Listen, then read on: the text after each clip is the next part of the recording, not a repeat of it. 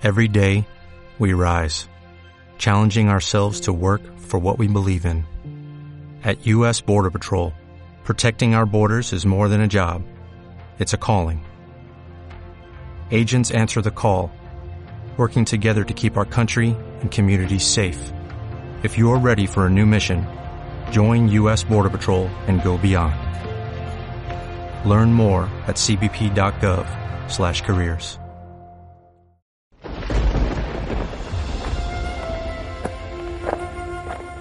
El Rai vos convida ara a creuar el llindar a Terra Llegendària. Així trobaràs les històries i llegendes més insòlites de les nostres terres. Soc Juan Fran Ferrandiz i seré el vostre guia. M'acompanyes? Endavant!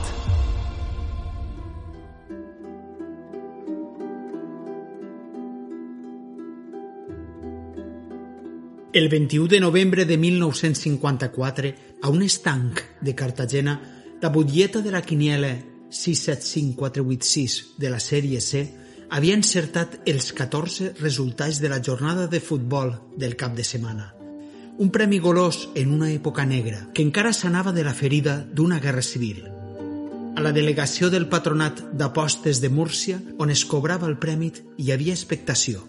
Era una bona quantitat, però no sols hi havia curiosos. Dos inspectors de la policia també esperaven el guanyador, però no per a felicitar-lo. Era la fi d'una investigació criminal complexa i qui anava a recollir el premi era l'assassí més buscat d'Espanya. Avui, a Terra Llegendària fent crònica negra amb un cas policial recopilat pel periodista valencià Pedro Ortiz als anys 80. Ara, una història així podria inspirar una novel·la o pel·lícula, abans es convertia en relat que la gent compartia, com tantes rondalles i llegendes que hem contat, perquè de vegades la realitat supera la ficció. Agustí Merlique, de 21 anys, i Julio López de Dèneu eren d'Elx, però es van conèixer en 1943 a la presó de Monteolivet en València. El primer li havia plantat cara a un sergent durant el servei militar. Imagineu-vos fer això pràcticament acabada la Guerra Civil i Julio es sospitava que era simpatitzant republicà per certa carta rebuda. Més de cinc anys van estar empresonats i això els va canviar la vida i el futur. Ja lliures, en 1947, tornen a Elx per a buscar-se la vida i allí fan amistat amb José. José està ben col·locat al Banc Central d'Elx i Agustí es fa representant de sabates, però a Julio no li van tan bé les coses. A més, ell vol diners fàcils. Un bon dia, diu als amics que ha ideat un sistema per a guanyar en les quinieles de futbol, la distracció de moda en l'Espanya franquista. Li fan cas i no sols aporten estalvis, sinó que fan préstecs i tot. El resultat, la ruïna de tots. Algun ha de passar un temps fora d'ells i tot. De moment, el mètode de Julio no sembla funcionar, però ell no perd la fe. Sense dubte, el jove Julio sabia manipular bé. Els torna a embolicar en un negoci per aportar diners falsos des de França, que també fracassa, i cinc anys després, en 1952, torna a plantejar allò de les quinieles. Com els amics estaven escarmentats, busquen a un soci capitalista que arrisque els diners i mira per on encerten un ple, 70.000 pessetes, una autèntica fortuna en aquella Espanya de principis dels 50. Amb els diners, els amics es compren una barraca en la Marina d'Elx i se van a viure allí amb les nòvies, durant uns mesos tot va de meravella fins que s'ho gasten tot i de nou es veuen com abans. José torna al banc i Agustí a vendre sabates. Julio, frustrat, torna a maquinar com guanyar diners fàcils i és a principis de 1953 caminant prop de l'estació de tren quan els diu als amics «No m'importaria arriscar la vida si així aconseguira diners. Podríem atracar a un cobrador de banc. La llavor d'un crim que va estremir la societat de l'època ja estava plantada. Van passar mesos preparant el pla. José, el del banc, va assenyalar la víctima, un cobrador de la seva sucursal bancària, encarregat de cobrar els divendres als clients d'Alacant. Julio era el cap i va plantejar diverses possibilitats. El més fàcil era estirar-li la cartera pel carrer i fugir, però hi havia moltes possibilitats de que sortira mal. Altra era atracar-lo amb una navalla o pistola, però aleshores calia enfrontar-se amb ell i després es podria reconèixer si es veien per ells. A la fi, van idear una cosa més elaborada. Van alquilar un xalet a les afores d'Alacant. Allí l'atracarien, però calia atraure-lo fins allí de forma voluntària i sense que sospitara. El pla que van elaborar era el següent. José, en el banc, devia travar amistat amb el cobrador i quan agafara confiança li parlaria de dues amigues que tenia a Alacant a les que solia visitar en un xalet discret quan anava de visita. A bon entenedor, pareix que al cobrador li va agradar la idea i va acceptar anar-hi alguna vegada. No sabia on es ficava. El divendres 23 de juliol d'aquell 1953 va ser el dia escollit. Julio havia alquilat una moto i de bon matí la va deixar a l'estació d'autobusos d'Alacant, on arribaria el cobrador. Després se'n va anar al xalet a esperar. José s'havia de trobar amb el cobrador en l'autobús i per anar-se'n de la sucursal va dir el director que tenia cita amb el metge d'Alacant, eixe mateix divendres. El pla era provocar un encontre suposadament casual a l'estació entre el cobrador i José. Aleshores, ell li proposaria que en acabar les gestions de cobrar podien anar junts al xalet amb la seva moto. Però resulta que eixe dia el cobrador va arribar amb altre company i el pla es va aturar. Julio, el cap, no es va amoïnar i van decidir intentar-ho la següent setmana. Aquella vegada van implicar Agustín, l'altre amic, que seguiria en tot moment al cobrador. Eixa volta sí que José i el cobrador es van trobar en l'autobús com si fora una casualitat. En la conversa va eixir el tema de les xiques del xalet i el va convèncer d'anar. Els dos van quedar en retrobar-se a les 11 del matí a l'estació d'autobusos després d'acabar les gestions de cobrar. Aquell divendres no tenien moto i per això van agafar un taxi. Van arribar al xalet a les 11 i 10. Julio esperava ocult en la segona habitació de la dreta amb una barra de ferro. José va deixar que el cobrador entrara davant i es va quedar enrere mentre aquell caminava pel passadís de la casa. Aleshores Julio va sortir per darrere i el va colpejar amb força amb la barra de ferro. Mentrestant, José havia eixit de casa i amb el mateix taxi, que encara estava allí, va tornar a Alacant per anar al metge. Era la seva excusa per sortir del banc i, a més, la seva coartada.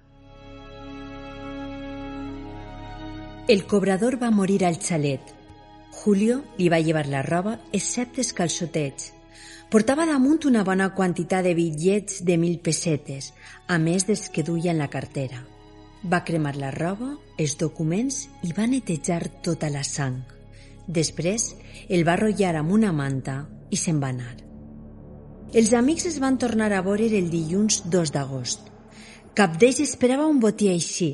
El cobrador portava 250.000 pessetes. S'havia denunciat la desaparició i la Guàrdia Civil el buscava, però pronte es va estendre el rumor que havia fugit a més diners.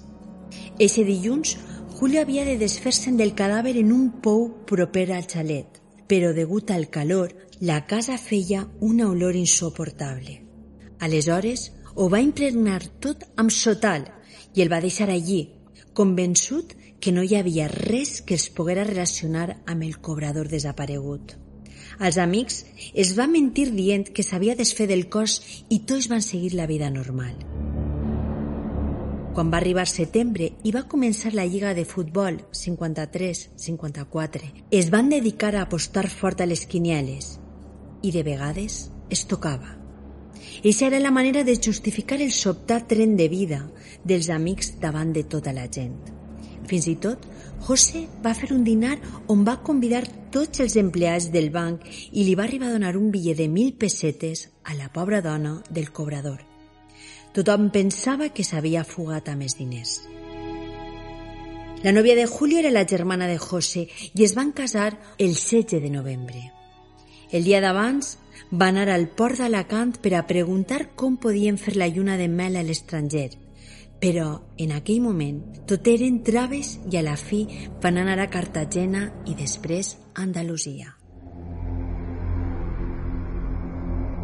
Estava Julio de viatge de noces i José tranquil·lament en el banc quan el 25 de novembre es troba un cadàver en molt mal estat en un xalet d'Alacant. S'ignora la identitat, però a les restes d'un foc es troba un document cremat. Cremat, però no del tot. Encara són visibles cinc lletres impreses que diuen Entral i darrere la paraula manuscrita Peral. La policia, amb sols eixe detall, es posa en marxa. Entral pot ser central i el document té la pinta de ser un efecte bancari. A la fi, identifiquen que Peral és el cognom d'un home que va firmar un efecte bancari al cobrador desaparegut. Aleshores criden la dona del cobrador per a identificar el cadàver i ella reconeix els calçotets. Així és com aquell cadàver ja té nom i història. L'ama del xalet diu que no sap el nom del jove a qui el va llogar, però el recordava i fa una descripció detallada. La policia fa múltiples recerques per tot arreu i arriben fins al port d'Alacant, on algú revela que un jove amb aquesta descripció va estar preguntant el 15 de novembre sobre com viatjar a l'estranger amb la seva dona. A l'entrada havien enregistrat el nom, Julio López. Al principi passa a ser sospitós, però quan descobreixen que la dona és la germana d'un empleat de la sucursal on treballava la víctima, el cercle es tanca. José és detès en el mateix banc i no tarda en confessar. Julio està de viatge de noces i Agustí, el tercer implicat, feia setmanes que havia embarcat cap a Brasil amb la seva part del botí. Sols quedava atrapar l'assassí, Julio, que estava en algun lloc d'Andalusia amb la seva esposa. Hem dit que el cadàver va ser identificat el 25 de novembre, però resulta que el 21 va ser la onzena jornada de Lliga. Els resultats dels partits van ser inesperats i els premiats molts pocs. Un d'ells havia estat sellejat a Cartagena a nom d'un tal Julio López Guissot. El dia 26 de novembre d'aquell any, el premiat i la dona van arribar en una bici a la delegació del Patronat d'Apostes de Múrcia, lloc on es cobraven els premis grossos de tota eixa província. Arriben contents, ansiosos per cobrar i poder seguir amb la vida regalada que Julio somiava des que estiguera en la presó. Segurament pensava en el seu amic Agustí, tranquil ja en Brasil. També ell volia marxar a l'estranger, però a l'entrar a l'edifici qui l'esperava era la policia. Així és com es resol aquest crim de la nostra crònica negra, que vos hem contat Estela Vicenç i jo i que podríem anomenar la de l'assassí amb sort.